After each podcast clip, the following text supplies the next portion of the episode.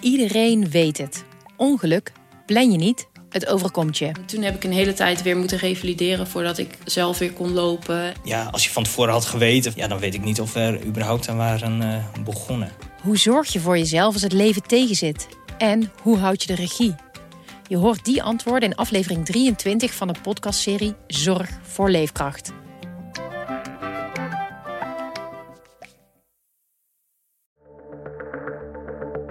In Drenthe tikt een tijdbom. Elke week en soms zelfs elke dag valt de wolf er schapen aan. Dierenhouders worden er gek van. Ze willen dat wolven die vee aanvallen worden afgeschoten. De gemoederen lopen dan ook vaak hoog op. Zeker als tegenstanders van de wolf op informatieavonden oog in oog komen te staan met mensen die wel voorstander van de wolf zijn.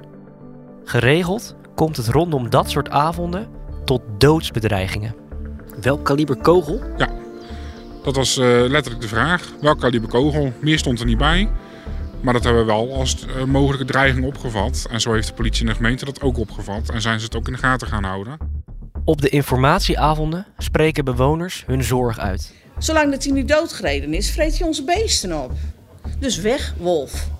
En dat vinden we niet alleen in Nederland, dat vinden ze in Duitsland ook. Van in Duitsland is het nog erger. De wolf blijkt een beladen thema. Hij bepaalt het debat, wordt een speerpunt in de programma's van politieke partijen zoals de Boer-Burgerbeweging. En vanwege de grote slachting die wolven aanrichten onder de landbouwhuisdieren van boeren en plattelanders, wil BBB eigenlijk zo snel mogelijk actie van de landelijke en de provinciale overheid. En kan de minister een indicatie geven wanneer de eerste aanval mogelijk op een mens zal gebeuren? Hoe kan het dat een dier voor zoveel opschudding zorgt?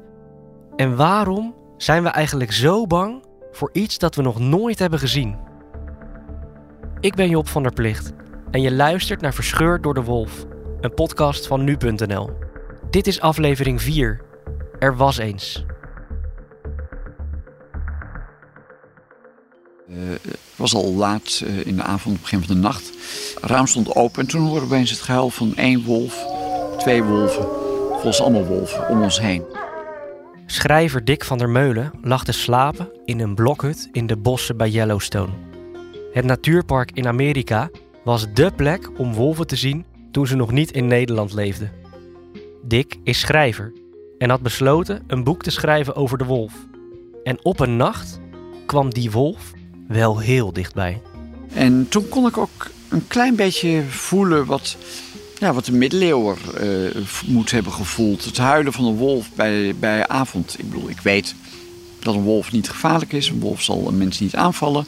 En toch die geheimzinnigheid, dat geheimzinnige geluid, ja, dan, dan begrijp je eigenlijk alles. Je begrijpt de angst, de fascinatie die andere mensen hebben voor wolven. Alles komt eigenlijk bij elkaar. Wat is het toch met de wolf die eeuwenlang de mensheid in haar greep heeft? Op het ene moment geliefd, dan weer gevreesd.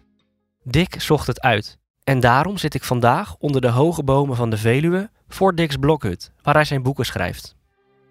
Dick is een echte verhalenverteller. Een energieke man met spierwit haar boven een hoofd vol ideeën. Als het even kan, ontvlucht hij zijn woonplaats Haarlem om hier in de bossen zijn verhalen op papier te zetten. Waar komt die fascinatie voor wolven eigenlijk vandaan bij jou? Bij mij is het begonnen met Peter en de Wolf van uh, Prokofjev. Uh, en dat, uh, ik heb een plaatje. wacht, ik, vind je het goed ik even pak? Ja, tuurlijk. Ja.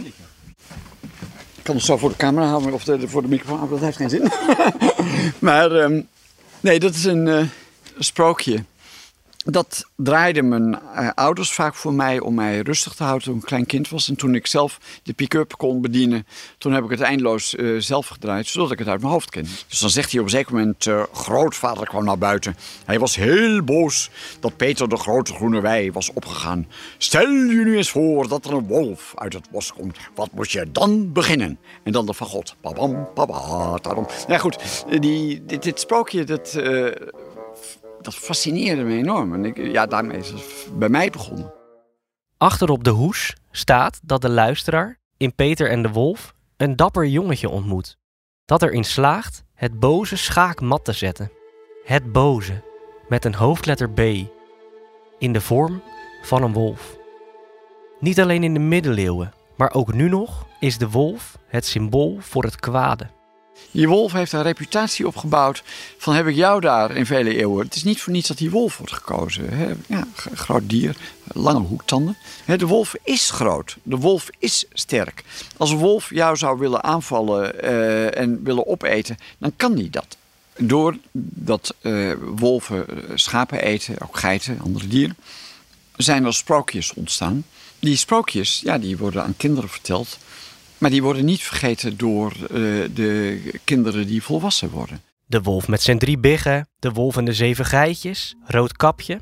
Roodkapje is ooit bedacht als meer een soort seksuele waarschuwing. Namelijk de wolf was eigenlijk een metafoor voor een vreemde kerel. En uh, jonge vrouwen moesten niet met vreemde kerels meegaan, want dat, daar kwam ellende van. Dat, dat is eigenlijk de, de oerboodschap ooit van Roodkapje geweest. Maar de volksverhalen waarin de wolf als slechterik wordt neergezet, gaan veel verder terug. Zelfs tot in de Bijbel. Maar dat de wolf door de mens als een bedreiging wordt gezien, is niet altijd zo geweest. Kijk, we hebben de hond niet voor niets voortdurend gedomesticeerd. Nou ja, dat doe je niet met dieren die. Uh, met tijgers is dat nooit geprobeerd. En met beren eigenlijk ook niet. Hè? Mensen en wolven die, die zochten elkaar op. Dick suggereert dat als we naar de wolf kijken, dat we onszelf zien. Dat is ook wat boswachter Frank me vertelde. De wolf is volgens hem slim, intelligent en vasthoudend. Alle aspecten die wij als mensen omarmen, laten die wolven zien. Wolven en mensen gingen dus altijd goed samen. Totdat wij de veeteelt uitvonden. Honderd, of tienduizenden jaren lang ging het goed. We domesticeerden de wolf, allemaal prachtig, we waren goede vrienden. En toen bedachten wij het schaap de wolf dacht, nou, dat, dat is aardig. Hè? De, de mens was altijd al leuk. En nu vinden ze ook nog het schaap uit. Een grotere lol hadden ze ons niet kunnen doen. Dus die combinatie van, van de wolf, die, die een belangrijke uh, voedselbron van de mensen aantast. Kijk, een schaap is nu marginaal in de veeteelt uh, geworden. Voor schapenboeren natuurlijk nog heel vervelend dat er wolven zijn. Maar tot, laten we zeggen, de 18e en 19e eeuw was de scha schaap was alles. Schaap was voeding, schaap was uh, kleding, kaas, melk, vlees, wol. Ja, dat was een cruciaal element in de samenleving. En de wolf was daar een rechtstreeks bedreiging voor. En zo werd de wolf opeens onze vijand. En niet omdat hij mensen aanviel, maar omdat hij iets pakte wat van ons was. En zo ontstonden de volksverhalen en sprookjes, maar ook liedjes, zoals de dodenrit van Dr. Anders P. Een komisch bedoeld liedje waarbij een heel gezin wordt geofferd aan een roedel wolven. Ze zijn nog vrij achter ons, ik zie ze echter wel. Het is een hele massa en ze lopen nogal snel. En door ons achterna te lopen halen zij ons in. Wat onvoordelig uit kan pakken voor een jong gezin. Dr. die wilde daarmee natuurlijk uh, de draak met alles. Maar het heeft een soort paradoxaal effect. Dat, dat mensen denken, ja maar goed, dat, dat, uh, het is vast en zeker wel gebaseerd op Russische volksverhalen. Nou, Russen hebben wolven, die weten waar ze het over hebben. Maar we denken toch, het is niet voor niets dat dit, uh, dat dit sprookje bestaat. Dat, dat is het. Ze weten natuurlijk ook wel dat Roodkapje niet echt bestaan heeft. En ze weten ook wel dat die zeven geitjes niet echt in de klok hebben gezeten. Maar de boodschap is ook van ja, nee, die, die wolf die doet nare dingen met je. En dat wordt nooit ontkend. Nee, eh, als je wordt opgevoed met sprookjes, lees beschrijvingen van die wolf. Je, je gaat naar de dierentuin, je ziet dus echt een groot dier met een reusachtig gebit. En dan heb je dus ook nog mensen die van de kansel roepen, voor de radio en tv roepen dat wolven gevaarlijk zijn. Ja, nee, dan vind ik het op zichzelf niet zo heel gek dat mensen bang zijn voor wolven.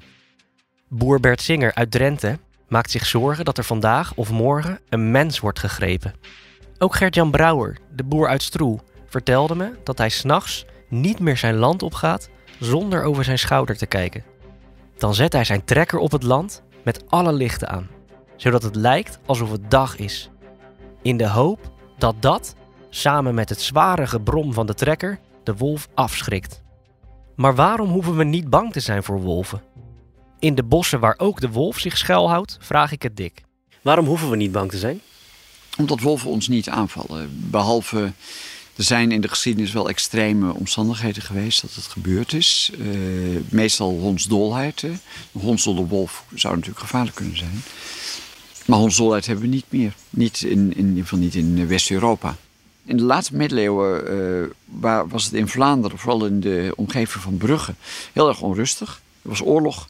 Uh, en in die tijd werd eigenlijk alles uh, werd, werd uitgeroeid in het wild. Mensen hadden eten nodig en ze haalden gewoon weg wat er in het wild nog was. Omdat de landbouw, de oogsten mislukte voor een flink deel. Omdat er nu eenmaal oorlog was. Uh, platgebrand, wat dan ook. Wat even zo vrolijk nog steeds doorging, is dat er mensen waren die koeien hielden, die vee hielden. En het vee werd, werd gehoed door kleine kinderen omdat er geen wild meer was, uh, werden de wolven door het vee aangetrokken. Nou, die komen een koe tegen, een koe. Die ga je niet aanvallen. Dat, uh, dat zijn grote dieren, honderden kilo's, buitengewoon weerbaar. Die koeien werden gehoed door een kind met een stokje. Ja, denkt een wolf, dat kleine koetje dat daar op twee poten loopt, dat is nog eens een keer te doen. En vermoedelijk is dat de reden geweest waarom er een aantal malen uh, uh, kinderen zijn gegrepen door wolven. Dus onder dat soort gekke omstandigheden kan het gebeuren. Ja, en verder incidenteel. Dus je hebt gewoon ook Rusland, Canada, af en toe is er een, een, wordt er een incident, incident gemeld. Dus ja, het, het, het, kan. Maar goed, wat ik daar straks denk ik ook al zei. Wat uh, een belangrijk punt is, hoe groot is die kans? Wij accepteren uh, zonder enige problemen eigenlijk dat er honderden mensen in het verkeer overlijden. Uh, we weten dat we af en toe door de bliksem getroffen kunnen worden. Nou, de kans dat je door een wolf wordt gegrepen is echt veel kleiner dan dat je door de bliksem wordt getroffen. Moet je daar dan nog, moet je daar serieus nog bang voor zijn? Ik denk het niet. We hoeven volgens Dick dus niet bang te zijn. Ook ecoloog Glenn Lelyveld, die ik eerder sprak, zei al eens dat de kans dat je een kokosnoot op je hoofd krijgt groter is dan dat je aangevallen wordt door een wolf. Zij hebben er verstand van. Maar is dat iets dat we moeten accepteren? Of laten mensen zoals boer Bert en boer Brouwer hun gevoel overheersen? Wat kunnen we nog meer leren van de geschiedenis? Van hoe het gaat in andere landen? Wel een kleine kanttekening. Het gebeurt dus een, een, een enkele keer. Dat uh, als je het over de afgelopen 100 jaar uh, bekijkt, dan worden er af en toe, dat is neem, vermoed, iets van tientallen wolven aanvallen op mensen gerapporteerd wereldwijd. Maar dat is natuurlijk heel weinig als je bedenkt dat er een paar honderdduizend wolven rondlopen. En ja, nee, wolven vallen dus geen mensen aan. De verhalen uit sprookjes en de Bijbel werden in de middeleeuwen alleen maar groter en meeslepender gemaakt. Er kwamen verhalen over hoe mensen in wolven veranderden door het eten van wolfskruid of doordat ze een riem omdeden gemaakt van wolvenhuid. De wolf werd gezien als de hond van de duivel. En af en toe kwam de duivel op aarde in de gedaante van een wolf, zoals het latere verhaal van Dracula. In de middeleeuwen geloofden mensen dit echt. En zo belanden er niet alleen heksen in de middeleeuwen op de brandstapel, maar ook mensen die ervan verdacht werden een weerwolf te zijn. Met die verhalen nam ook de angst toe. En die angst is volgens Dick bij sommige mensen niet meer weggegaan. Je hebt natuurlijk die twee groepen. Je hebt de, uh, je hebt de bange mensen. Die dus, nou ja, goed, uit de, de middeleeuwen, zullen we maar zeggen. Die, die, uh, die we nog steeds onder ons zijn. De middeleeuwen die wij zelf in zekere zin zijn. Ja, en dan heb je die, uh, dat is een wat kleinere groep, maar die worden aangetrokken door de oerkracht. Een van de mensen die wordt aangetrokken door de oerkracht van de wolf is Jos de Bruin. Jos is Nederlands, maar woont inmiddels al jaren in Duitsland. In Sonsbeck, net over de grens. Hij vangt hier wolven op. Handelaren en dierentuinen brengen ze bij hem. Als ik bij Jos aankom, krijg ik de opdracht nog even in de auto te wachten. Ik zei, ik kijk er eentje recht in de ogen daar rechts. Kijk daar, oh, nou, hij kijkt nou weg, maar er liggen er nog twee.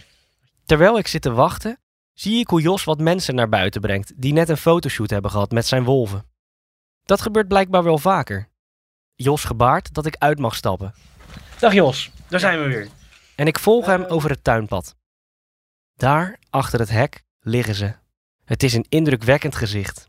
In totaal heeft Jos twaalf wolven. Sommige liggen wat te slapen, andere lopen rondjes achter een hoog hek. De een is grijs, de ander zwart. Maar mijn aandacht wordt getrokken door een grote witte wolf die op een boomstam ligt en ons voortdurend in de gaten houdt. Maar het zijn verschillende wolven en die hebben ook echt, die, die zijn andere. Een beetje karakterverschillen zitten Ja. erin. Maar jij kan hier gewoon, en, en misschien eh, iedereen wel, gewoon naar binnen en dan is er niks aan de hand. Ja. Je twijfelt wel. Je kunt er ook. Bij die kun mag je ook zo'n niet met die pluizige microfoon. Ik denk dat ze dat leuk vinden om in te bijten. Die, bij hun kun je gewoon zonder problemen zo mee naar binnen lopen. Ja, dat, Maar ik heb een andere verblijven, daar mag je niet naar binnen. Nee, dat snap Eentje, die Russische, hij valt wel mee. Oh, hij valt wel Eh, mee? Ik ken, nou, die is eerder bang, die blijft weg. Oké, oké. Maar de, als je ze heel erg socialiseert op mensen, dat kun je niet zomaar naar binnen. Hè? En ze zijn wel schuw, maar je moet eh, dieren, wilde dieren ook wild laten. Ja. Maar als ik nu dit hok in zou lopen, dan, ehm, ehm, dan gaat Kiba, die witte wolf, die komt misschien wel naar me toe. Ja, die wil gewoon, die wil gewoon, gewoon geknuffeld en gehaaid worden. En die andere twee, Ze zijn misschien een beetje voorzichtiger. Eh, Ja. dan moet je echt rustig gaan zitten. Niet te snelle bewegingen maken, anders schrikken ze daarvan weg. En, maar dan, dan, eh, dan lopen ze dus weg van je, of dan rennen ze weg van je. Maar eh, agressie naar je, dat vertonen ze niet. Nee. Weer die twijfel. Ja, dat, dat ligt aan wat je doet. Ja. Eh, deze dieren niet. Deze, die drie niet. Nee. Die hebben nooit naar jou ook agressie vertoond. Nee, maar ik maak, eh, je je moet ook geen fouten maken. Wat zijn fouten? Een hond is over het algemeen ook lief en aardig. eh, maar je kunt niet elke hond zomaar alles mee doen. Ja, buiten dat trouwens, die Hudson-wolven ook wel de meest relaxte ondersoort van wolven is. Hoor. De, dus In daar zit ook weer tot onze, onze eigen Ja, dat zijn veel meer stressige neuroten een beetje eigenlijk. Ja, maar toch zijn mensen bang voor die wolf. Ja, nou ja, de Europese wolf die zijn eigenlijk bang voor mensen. eh, dus die gaan van bepaalde bewegingen schrikken ze, ze gaan ze weg.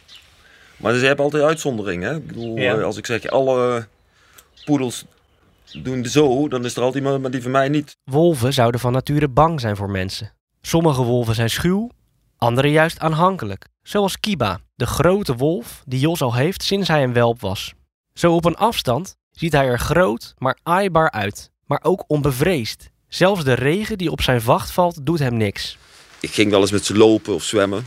Ja. Die, als, als die Je uit ging het met ze lopen of zwemmen? Ja. Eh, Sommige, ik heb ze met een fles groot gebracht. Hè? Dus het is een beetje net als eh, v- v- mijn familie eigenlijk. Dan komen ze een keer buiten. En eh, vind ik leuk dat, ze nog, dat ik ze iets aan kan bieden wat een andere niet kan. Doe je dat nog steeds wel eens, lopen of zwemmen met ze? Ja, soms. Zeg je twijfelend? Ja, ja, zeg ik twijfelend, ja. Het zou nu niet meer kunnen. Als ze Nee. volwassen zijn, kan ik ze niet loslaten. Want dan luisteren ze niet zo goed naar me. De twijfel bij Jos is me niet ontgaan. Is er een, een kans dan dat, eh, dat er mensen gepakt gaan worden? zeer klein. Ik bedoel, we hebben in Duitsland nog nooit niet één bijtincident gehad. We hebben 1500 tot, tot bijna 2000 wolven rondlopen. Spanje lopen er altijd al een, een- bijna 2000 rond. En nee, die vallen geen mensen aan. We hebben niets van wolven te vrezen, zegt Jos. En om dat te bewijzen, neemt Jos me mee naar het hok. Kijk, ze staan helemaal paraat. Nou, Ze zien mijn eh, apparatuur, denk ik. ja, daar letten ze nu nog niet op. Maar eh, anders blijf je hier staan. Dan neem ik hem mee naar binnen. Je jullie zijn toch alle twee met een eigen auto. Dus als hij eh, er niet levend uitkomt, dan kun je, kom je toch thuis. Hè? Zijn er nog dingen die, waar ik rekening mee moet houden? Nee, ik bedoel maar, nee, helemaal niks. Nee? Nee. Die eh, Kiba komt gewoon... eh, ja, ik met die microfoon, blijf maar daar staan. Kiba, kom eens hier. Wat weet je hier? Eigenlijk komt hij altijd... Nou, valt die andere nu weer lastig, die zwarte. Vind je het goed als ik hier blijf staan, Jos? Kiba! Laat hem niet meer rust. eh. Nee. Ook al weet ik dat al zoveel mensen in dit wolvenhok zijn geweest, en ook al weet ik dat wolven mensen niet aanvallen, toch vind ik het best spannend om tussen drie wolven te staan. Als ik door het hek ben gelopen, komt Kiba, de grote witte wolf, als eerste op me af. Hij springt tegen me op en hij is ontzettend zwaar. Ik moet echt moeite doen om niet om te vallen. Maar hij springt dan meestal, eh, springt hij even... Hey, zo meteen tegen je omhoog. Oh, wauw. Dat bedoel ik, zie je, dan wil hij... Ja, de- wat wolven doen in het bekklikken is hem begroeten. Dan zegt hij Ja? hallo. En nou, nou ziet hij de microfoon. Ja, dat, als hij daarin bijt, dan is het tot harige topje op die microfoon weg. Ik ben niet zo groot en terwijl zijn voorpoten op mijn schouders staan, komt Kiba's kop boven mijn hoofd uit. Wolvenadem ruikt naar hondenadem. En ook de tong die mijn gezicht likt, voelt hetzelfde. Maar wat misschien wel de meeste indruk op me maakt, zijn de poten. De nagels voelen als klauwen. En ze krassen door mijn jas en broek heen over mijn huid. Dan komt ook de zwarte wolf met felle, gele ogen naar me toe. Hij veegt met zijn voorpoot over mijn been. Het is een begroeting, maar het voelt als een uithaal. Ik ben er klaar mee. En ik zeg tegen Jos dat ik het hok weer uit wil. We praten daar weer verder. Ja? dat is toch wat veiliger. Nou, in principe. Ja, ik snap wel dat het voor jou niet heel bijzonder is, maar ehm, Ik heb ook al zo iemand gehad die dan ziek was. Die moesten we eruit halen. Die had een harttransplantatie gehad. Dat wist ik niet, maar... Ja, ik zei ruiken, hè? 250 miljoen reuksensoren. Een, Maar wa- wacht even, maak even je verhaal af. De, ehm, Ze was ruiken als je bijvoorbeeld ziek bent of niet fit bent. Of, eh, dan kunnen ze anders reageren. En is dat... Is dat Of, me- of je hebt medicijnen Ja. die eh, iets ruiken ze. En dat was zelfs zo opdringerig. Nou, die, die, die moesten we er vanaf halen. Hij deed nog niks, maar eh, we vertrouwden het niet. En, dan- dan kan die zo opdringerig zijn. En, ja, ik weet niet wat hij van plan was. We gaan weer terug naar Nederland. En ook Jos stapt in de auto. Hij gaat vlees halen en heeft een grote plastic bak bij zich. Hij vertelt me dat hij wel 1000 kilo per maand nodig heeft. Dat haalt hij bij jagers, op boerderijen of wild dat is aangereden. En hij vertelt me dat hij nu geitenbokjes, mannetjesgeiten, gaat halen. Daar zit voor de geitenboer geen waarde in, want die geven geen melk. Na de geboorte worden ze direct bij hun moeder weggehaald. Ze worden naar de slacht gebracht of Jos haalt ze op. En terwijl hij wegrijdt in zijn auto, laat hij mij achter. Nog steeds beduust van mijn ontmoeting met Kiba. De grote witte wolf die me aan het begin van mijn bezoek al zo indringend aankeek.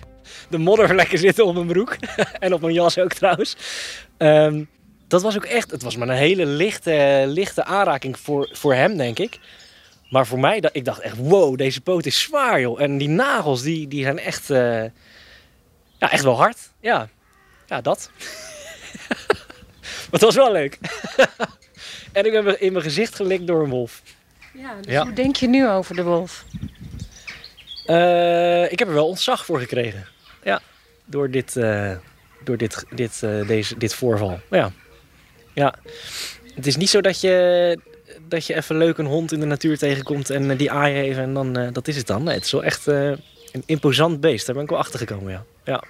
En dan, een paar weken na mijn bezoek aan Jos, komt op 9 juli 2023 het bericht dat de eerste mens in Nederland aangevallen zou zijn door een wolf. Wolf doodgeschoten na aanval op schapenboer in Wapse.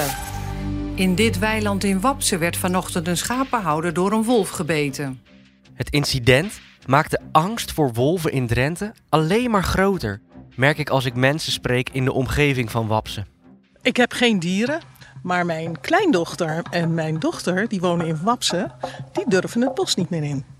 Dat is een klein meisje en eh, ja, die vinden dat eng. Dat is nogal wat. Ja, dat is nog wat. Die is echt bang voor de wolf. En die hoort natuurlijk ook die verhalen. Dat probeert ze wel weg te houden van haar. Maar ze hoort die verhalen ook op school. Er is daar in Wapse een, eh, een man gebeten. Ja, dat, dat is eng voor zo'n meisje. In Wapse zou een schapenhouder rond 7 uur ochtends een wolf op zijn veld hebben gezien. De man zou de wolf achterna hebben gezeten met een stok of schep. Maar wat er waar is van de verhalen die rondgaan, wordt me niet duidelijk. Ik probeer contact te zoeken met de gebeten man. Maar iemand van slachtofferhulp belt me terug en ik krijg te horen dat de man er voorlopig niet met media over wil praten. De wolf is uiteindelijk in opdracht van de burgemeester doodgeschoten. Volgens sommigen lag de wolf op dat moment rustig onder zonnepanelen. Maar er zijn ook mensen die zeggen dat de wolf helemaal niet rustig was. Wat er waar is, blijft onduidelijk. Dat moet blijken uit het politieonderzoek dat is gestart. Er volgen aangiftes tegen de burgemeester die het besluit nam om de wolf te doden, maar ook tegen de man die in zijn arm werd gebeten. Mensen vinden dat hij de wolf niet had mogen opjagen. En dat stuit dan weer tegen de borst van anderen. Hoe kan je dat nou zeggen? Die man is slachtoffer, geen dader. Maar wie heeft er gelijk? Toen Dick zijn eerste wolf zag, rende hij achter een dol enthousiaste meute aan, terwijl de tranen over zijn wangen rolden. En terwijl Jos in Duitsland met zijn wolven zwemt, trappen de boeren Bert Singer en Gert-Jan Brouwer hem het liefst vandaag nog van het veld. In Wapse moet de burgemeester die de wolf liet neerschieten voor de rechter verschijnen, net als de man die werd gebeten. Hoe moet dit verder? Dat onderzoek ik in de volgende aflevering van Verscheurd door de Wolf.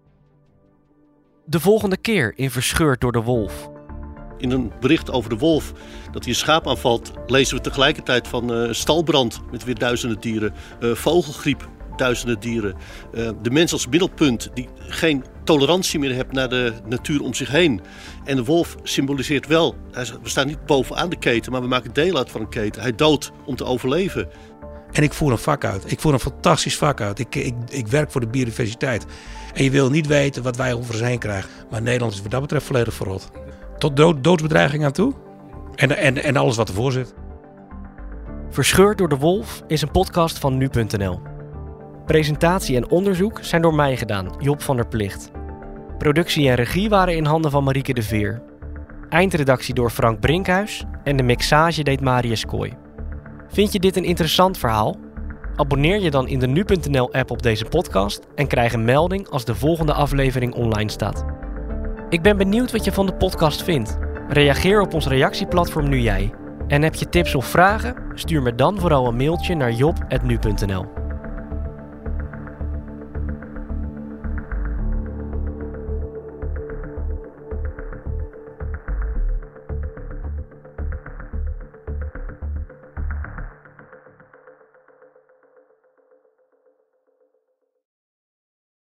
Wil je verder luisteren? Dat kan exclusief op nu.nl. Ga naar nu.nl slash wolf, log gratis in en luister aflevering 4. Iedereen weet het. Ongeluk plan je niet, het overkomt je. Toen heb ik een hele tijd weer moeten revalideren voordat ik zelf weer kon lopen. Ja, als je van tevoren had geweten, ja, dan weet ik niet of we er überhaupt aan waren uh, begonnen. Hoe zorg je voor jezelf als het leven tegenzit? En hoe houd je de regie? Je hoort die antwoorden in aflevering 23 van de podcastserie Zorg voor Leefkracht.